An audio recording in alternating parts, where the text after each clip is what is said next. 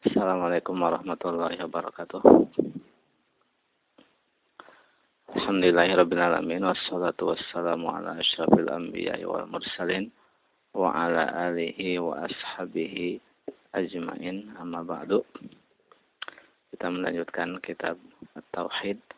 Babu qawlillahi ta'ala Bab firman Allah subhanahu wa ta'ala Innaka la tahdi man ahbabta walakinna Allah yahdi man yasha' wa huwa a'lamu bil muhtadin Sesungguhnya engkau tidak bisa memberikan petunjuk kepada orang yang engkau cintai, akan tetapi Allah memberikan petunjuk kepada orang yang dikehendakinya, dan dia lebih mengetahui perihal orang-orang yang mendapatkan petunjuk. Ini bab ini eh, kaitan dengan masalah hidayah. Di dalam Al-Quran ada hidayah yang dinafikan dari makhluk, dan hanya ditetapkan bagi Allah saja. Ada hidayah yang ditetapkan bagi makhluk juga. Sehingga hidayah itu ada dua. Ada hidayah ad-dilalah wal irsyad. Hidayah ad-dilalah wal irsyad itu penunjukan, pembimbingan. Itu para rasul, para nabi, para ulama, para duat, dan orang-orang yang mengerti ilmu punya peran dalam hidayah dilalah dan irsyad. Allah mengatakan tentang Rasulullah, "Wa innaka latahdi ila siratim mustaqim." Sungguhnya engkau memberikan bimbingan kepada jalan yang yang lurus. Di sini di, ditetapkan kan Rasulullah punya hidayah, tapi hidayah apa? Dilalah wal irsyad. Itu uh, apa bukan khusus bagi Allah tapi bagi ulama, para para nabi, para rasul, para ulama, para duat. Itu namanya hidayah dilalah wal irsyad. Membimbing itu kan menjelaskan tentang dalil hujah dan yang kedua hidayah yang khusus bagi Allah. Itu hidayah taufik wal qabul hidayah pemberian taufik dan qabul yang membukakan dada manusia untuk menerima kebenaran. Itu hanya hanya Allah. Dan ini yang dimaksud dalam firman Allah ini yang jadi judul bab ini. Sesungguhnya engkau tidak berikan tidak bisa memberikan hidayah kepada orang yang engkau cintai akan tapi Allah memberikan hidayah kepada orang yang dikehendakinya dan Allah lebih mengetahui perihal orang yang mendapatkan hidayah. Di sini hidayah dinafikan dari Rasulullah. Maksudnya hidayah apa? E, taufik dan qabul. Maksudnya engkau tidak bisa membuat orang bisa menerima kebenaran ini. Karena yang memegang hati Allah Subhanahu wa taala. Ayat ini sebab nuzulnya adalah kisah uh, apa Abu Talib ketika mau meninggal dunia. Di sini Musannif menyebutkan sebab nuzulnya qala Musannif rahimahullahu taala fi sahih dari dalam Sahih Bukhari an Ibn al-Musayyab an abihi qala lamma hadarat Abu Talib al-wafatu ja'ahu Rasulullah sallallahu alaihi wasallam wa indahu Abdullah ibn Abi Umayyah wa Abu Jahlin.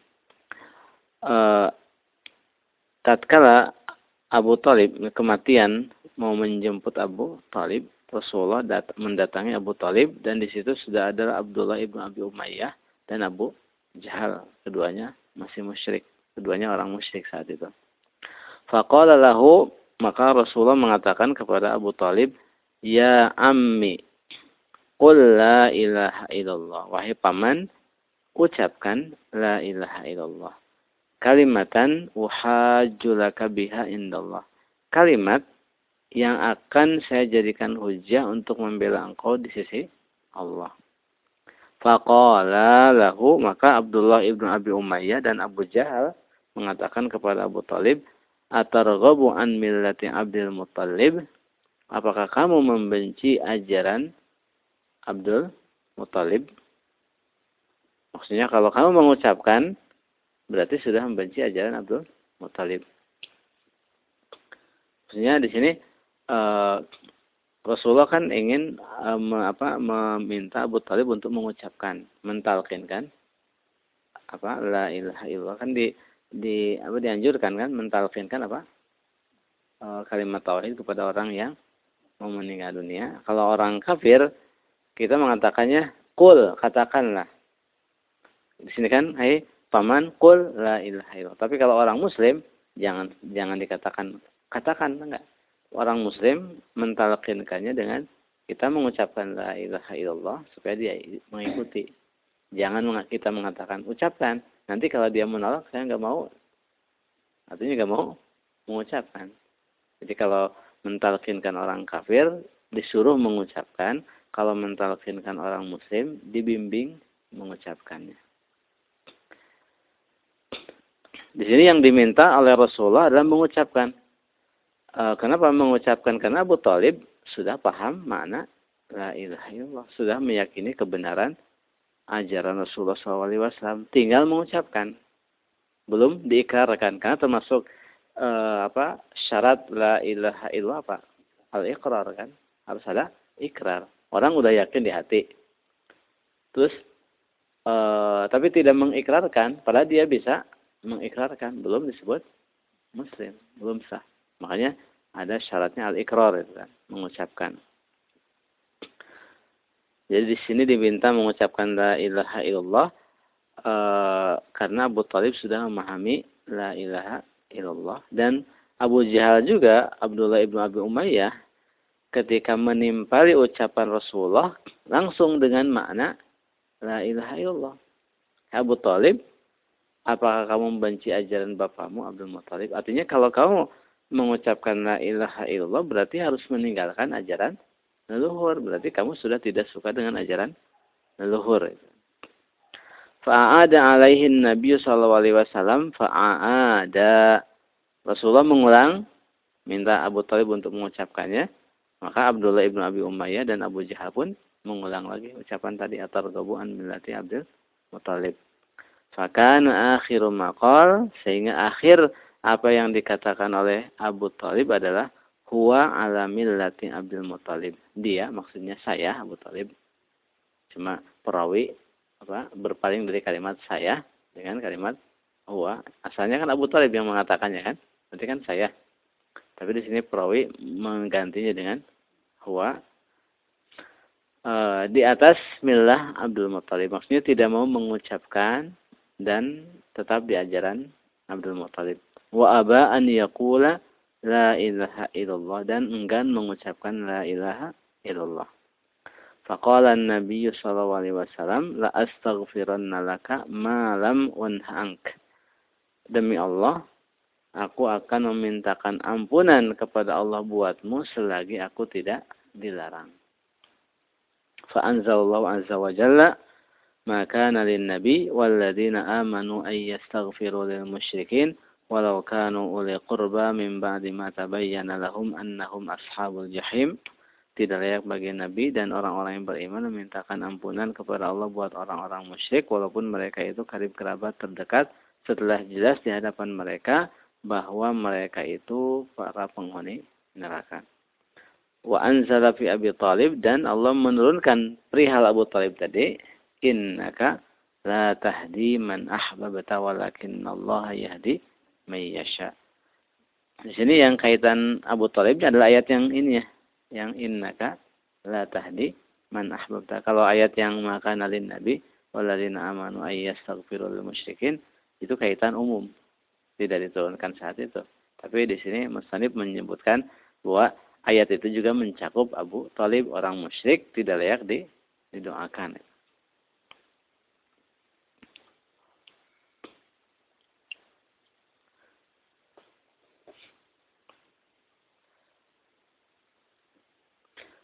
Sini sebutkan uh, la ilaha illallah katakan la ilaha illallah. Tadi sudah disebutkan kenapa hanya dituntut untuk mengucapkan? Karena Abu Talib sudah memahami makna la ilaha illallah yaitu bawa dari kemusyrikan. Dan juga di Mekah saat itu tidak ada orang munafik. Di situ yang mengucapkan la ilaha illallah hanya orang muslim ada orang munafik itu di di Madinah. Makanya di di Mekah itu ya orang bedanya orang musyrik dengan orang kafir, orang musyrik tidak mengucapkan, orang muslim mengucapkan. Kemudian di sini uh, juga ada dalil di dalam bahwa amalan itu tergantung apa? Khawatim tergantung akhirnya. Makanya kan dalam hadis Abdullah ibn Mas'ud uh, wallahi alladzi la ilaha ghairuhu in ahadakum la ya'malu bi amali ahli jannah hatta ma yakunu bainahu wa bainaha illa zira. Fayasbiqu alaihi alkitab fayamalu bi amali ahli an-nari fayadkhuluha. Wa inna ahadakum la ya'malu bi amali ahli an-nari hatta ma yakunu bainahu wa bainaha illa zira. Fayasbiqu alaihi alkitab fayamalu bi amali ahli jannati fayadkhuluha. Demi Allah yang tidak ada uh, ilah kecuali dia sesungguhnya seorang di antara kalian melakukan amalan amalan ahli surga sehingga sampai tidak ada jarak antara dia dengan surga itu kecil satu lengan, satu hasta saja. Dalam arti sebentar lagi mau meninggal dunia. Terus dia melakukan amalan, amalan ahli neraka. Terus mati, dia masuk neraka. Dan sesungguhnya orang di antara kalian melakukan amalan-amalan ahli neraka sampai tidak ada jarak antara dirinya dengan neraka itu kecuali satu zero saja. Kemudian dia melakukan amalan-amalan ahli surga, terus mati, dia masuk surga. Jadi Maksudnya amal tergantung khatimah. Kemudian yang membuat Abu Talib enggan mengucapkan la ilaha illallah, la ilaha illallah adalah hujah yang dilontarkan atau e, subhat yang dilontarkan oleh Abu Jahal dan Abdul ibn Umayyah. Abdullah ibn Abi Umayyah atarghabu an billati Abdul Muttalib. Jadi hujah Qurasiyah yang namanya sebagaimana hujah Fir'auniyah. Dulu Fir'aun bertanya kepada Nabi Musa, "Fama balul kurunil ula?" Bagaimana nasib orang-orang dahulu? Kalau umumnya kami disebut apa? Musyrik.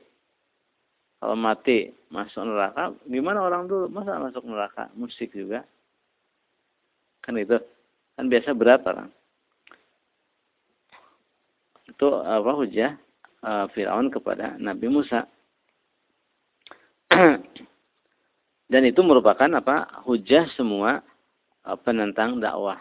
Allah menyebutkan tentang ke, apa, kebiasaan ini. Allah mengatakan, "Wa kadzalika ma arsalna min qablika fi qaryatin min nadhirin illa qala mutrafuha inna wajadna aba'ana ala ummah wa inna ala asarihim muqtadun."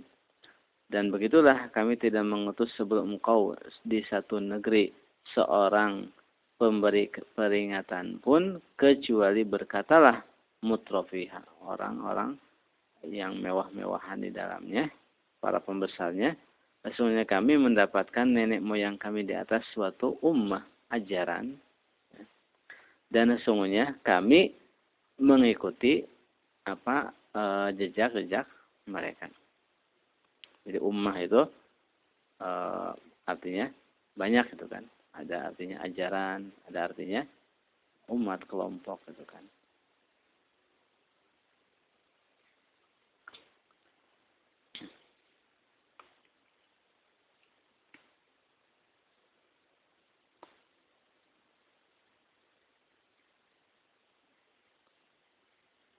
Terus di sini hikmah e, dari ketidak masuk Islaman Abu Talib adalah e, bahwa supaya orang meyakini bahwa hidayah itu memang di tangan Allah. Di mana Abu Talib ia telah menolong Rasulullah dengan segala kemampuannya, jiwanya, hartanya, kedudukannya, anak-anaknya ikut menderita membela ajaran Rasulullah.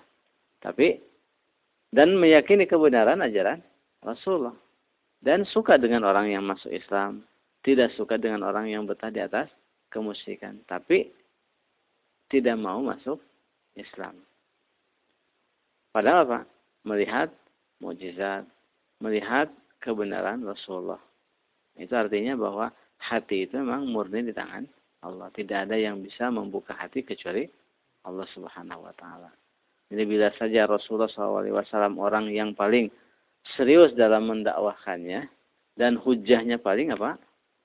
Paling apa? E, paling jelas, paling nampak dan paling e, cakap dalam hal ini, tapi tidak bisa membuka hati manusia itu bahkan orang terdekat sekalipun berarti yang lainnya lebih dari itu juga. Artinya hidayah itu memang murni tangan Allah.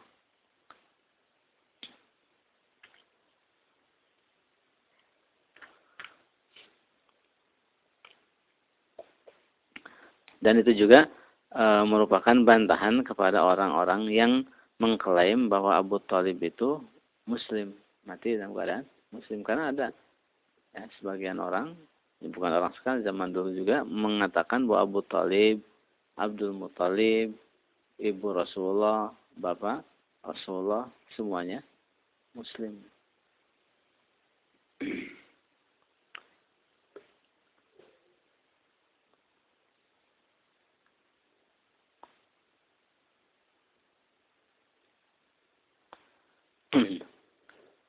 Kemudian masail yang dalam yang ada dalam uh, bab ini pertama tafsir innaka la tahdi man ahbabta walakin Allah yahdi man yasha. Tafsiran firman Allah sesungguhnya engkau tidak beri, tidak bisa memberikan hidayah kepada orang yang engkau cintai kan tapi Allah memberikan petunjuk kepada orang yang dikehendakinya.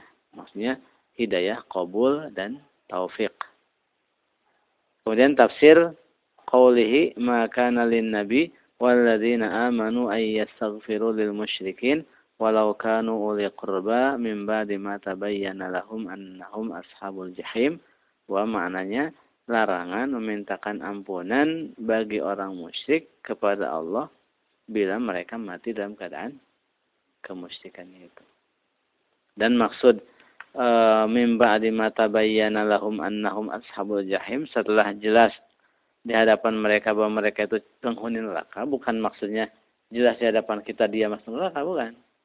Setelah jelas di hadapan kita bahwa dia itu mati dalam keadaan musyrik.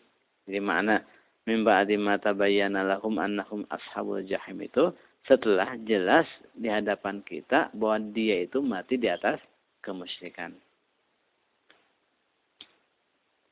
Kemudian yang selanjutnya al-masalah al-kabirah itu tafsir qawlihi qul la ilaha illallah bi khilafi ma alaihi man yadda'il ilma. Tafsiran la ilaha illallah perintah untuk mengucapkan la ilaha illallah berbeda dengan tafsiran orang-orang yang mengklaim ilmu, mengklaim sebagai ahlu tauhid, apa pengikut salaf atau dan yang lainnya yang mereka tidak memahami makna la ilaha illallah kecuali punya la khaliqa illallah. Kalau seandainya makna la ilaha illallah itu la khaliqa illallah, tentu orang kafir Quraisy juga mereka muwahhidun. Kenapa? Karena mereka meyakini la khaliqa illallah.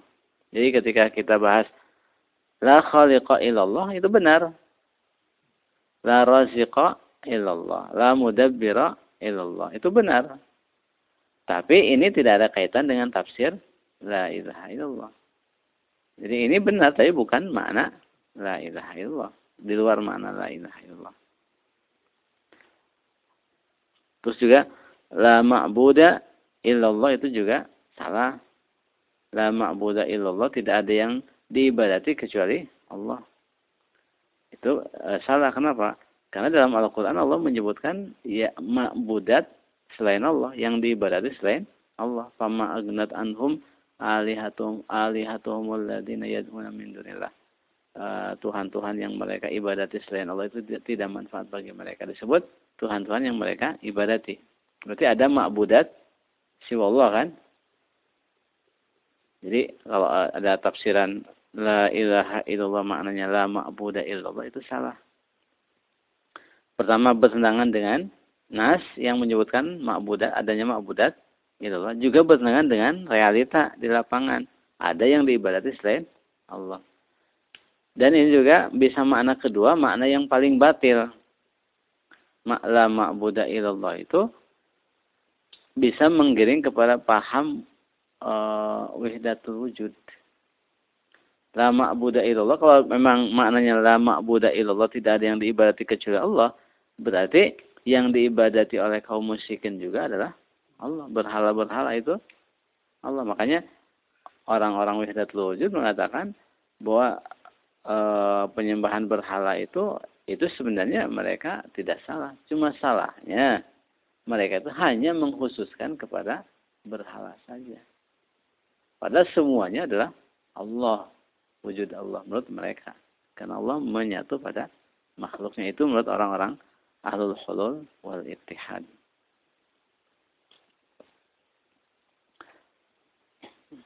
Kemudian anna Aba Jahlin wa man ma'ahu ya'rifuna muradan Nabi sallallahu alaihi wasallam idza qala lirrajul qul la ilaha illallah. Wa Abu Jahal dan orang-orang yang bersamanya mengetahui maksud Nabi sallallahu alaihi wasallam bila mengatakan kepada seorang ucapkan la ilaha illallah. Maksudnya adalah suruh masuk Islam. Baru dari kemusyrikan iman hanya kepada Allah. Faqabbahallahu man Abu Jahlin a'lamu minhu bi asli Islam. Maka semoga Allah memburukan orang yang mana Abu Jahal lebih alim, lebih mengetahui darinya terhadap fondasi keislaman. Ya Abu Jahal paham makna la ilaha illallah. Tapi banyak orang sekarang mengaku muslim, tapi tidak paham makna la ilaha illallah. Kemudian selanjutnya jidduhu sallallahu alaihi wasallam wa mubalaghatuhu fi islami ammih. Keseriusan beliau ya, dan upaya kerasnya untuk supaya Abu Talib masuk Islam. Kemudian ar-raddu ala man za'ama Islam Abdul Muttalib wa aslabihi. Ada bantahan kepada orang yang mengklaim bahwa Abdul Muttalib dan para pendahulunya adalah orang Islam. Kemudian Qaunuhu sallallahu alaihi wasallam istaghfar lahu falam yughfar lahu bal nuhiya an dzalik. Nabi sallallahu alaihi wasallam memintakan ampunan buat Abu Talib tapi tidak diampuni, tidak uh, dikabulkan, bahkan dilarang. Kemudian madarratu ashabis su 'alal insan. Bahaya teman buruk terhadap seorang. Coba kalau eh, kalau tidak ada Abdullah ibnu Abi Umayyah sama Abu Jahal. Kan tidak diingatkan dengan tadi gabuan melati Abdul Muthalib. Ini bahaya teman buruk itu gitu mempengaruhi. Makanya as-sahibu sahib. As-sahibu teman itu sahib bisa menarik. Kalau kita tidak mempengaruhi maka kita akan terpengaruh. Jadi kalau kita tidak mempengaruhi maka kita akan terpengaruhi. Orang yang tidak bisa taksir mempengaruhi, dia akan ta'assur terpengaruhi. Kemudian madarratu ta'zimil aslaf wal akabir. Bahaya mengagungkan para pendahulu dan para tokoh. Karena biasanya kebenaran orang biasa e, kalau dijelaskan secara hujah dia menerima, memang hak. Tapi ketika disebutkan leluhur. Kalau ini hak masa guru saya salah? Ya kan? Kalau guru saya sudah mengajarkan saya ini dan itu gitu. kan? Berat. Apalagi pendahulu gitu. kemudian istidlal jahiliyah bidzalika. Orang-orang jahiliyah berdalil dengan hal itu dengan leluhur dengan para pendahulu dan para tokoh. Kemudian asyahidu liqawanil amal bil khawatim li'annahu law qalaha la nafa'athu. Bukti dalil bahwa amalan tergantung ujungnya khawatim. Karena kan kalau seandainya Abu Talib mengucapkannya tentu manfaat ucapan la ilaha illallah yang diucapkannya. Kemudian at-ta'ammul fi uh, kibari hadhihi asy-syubhah fi qulubi dhalin memperhatikan begitu besarnya syubhat ini di hati orang-orang sesat. Lianna fil qissah annahum lam yujadiluhu illa biha. Karena dalam kisah itu orang-orang musyrik tidak mendebat Rasulullah kecuali dengan hal itu saja. Dengan apa? Dengan apa? Fama balu qurunil ula.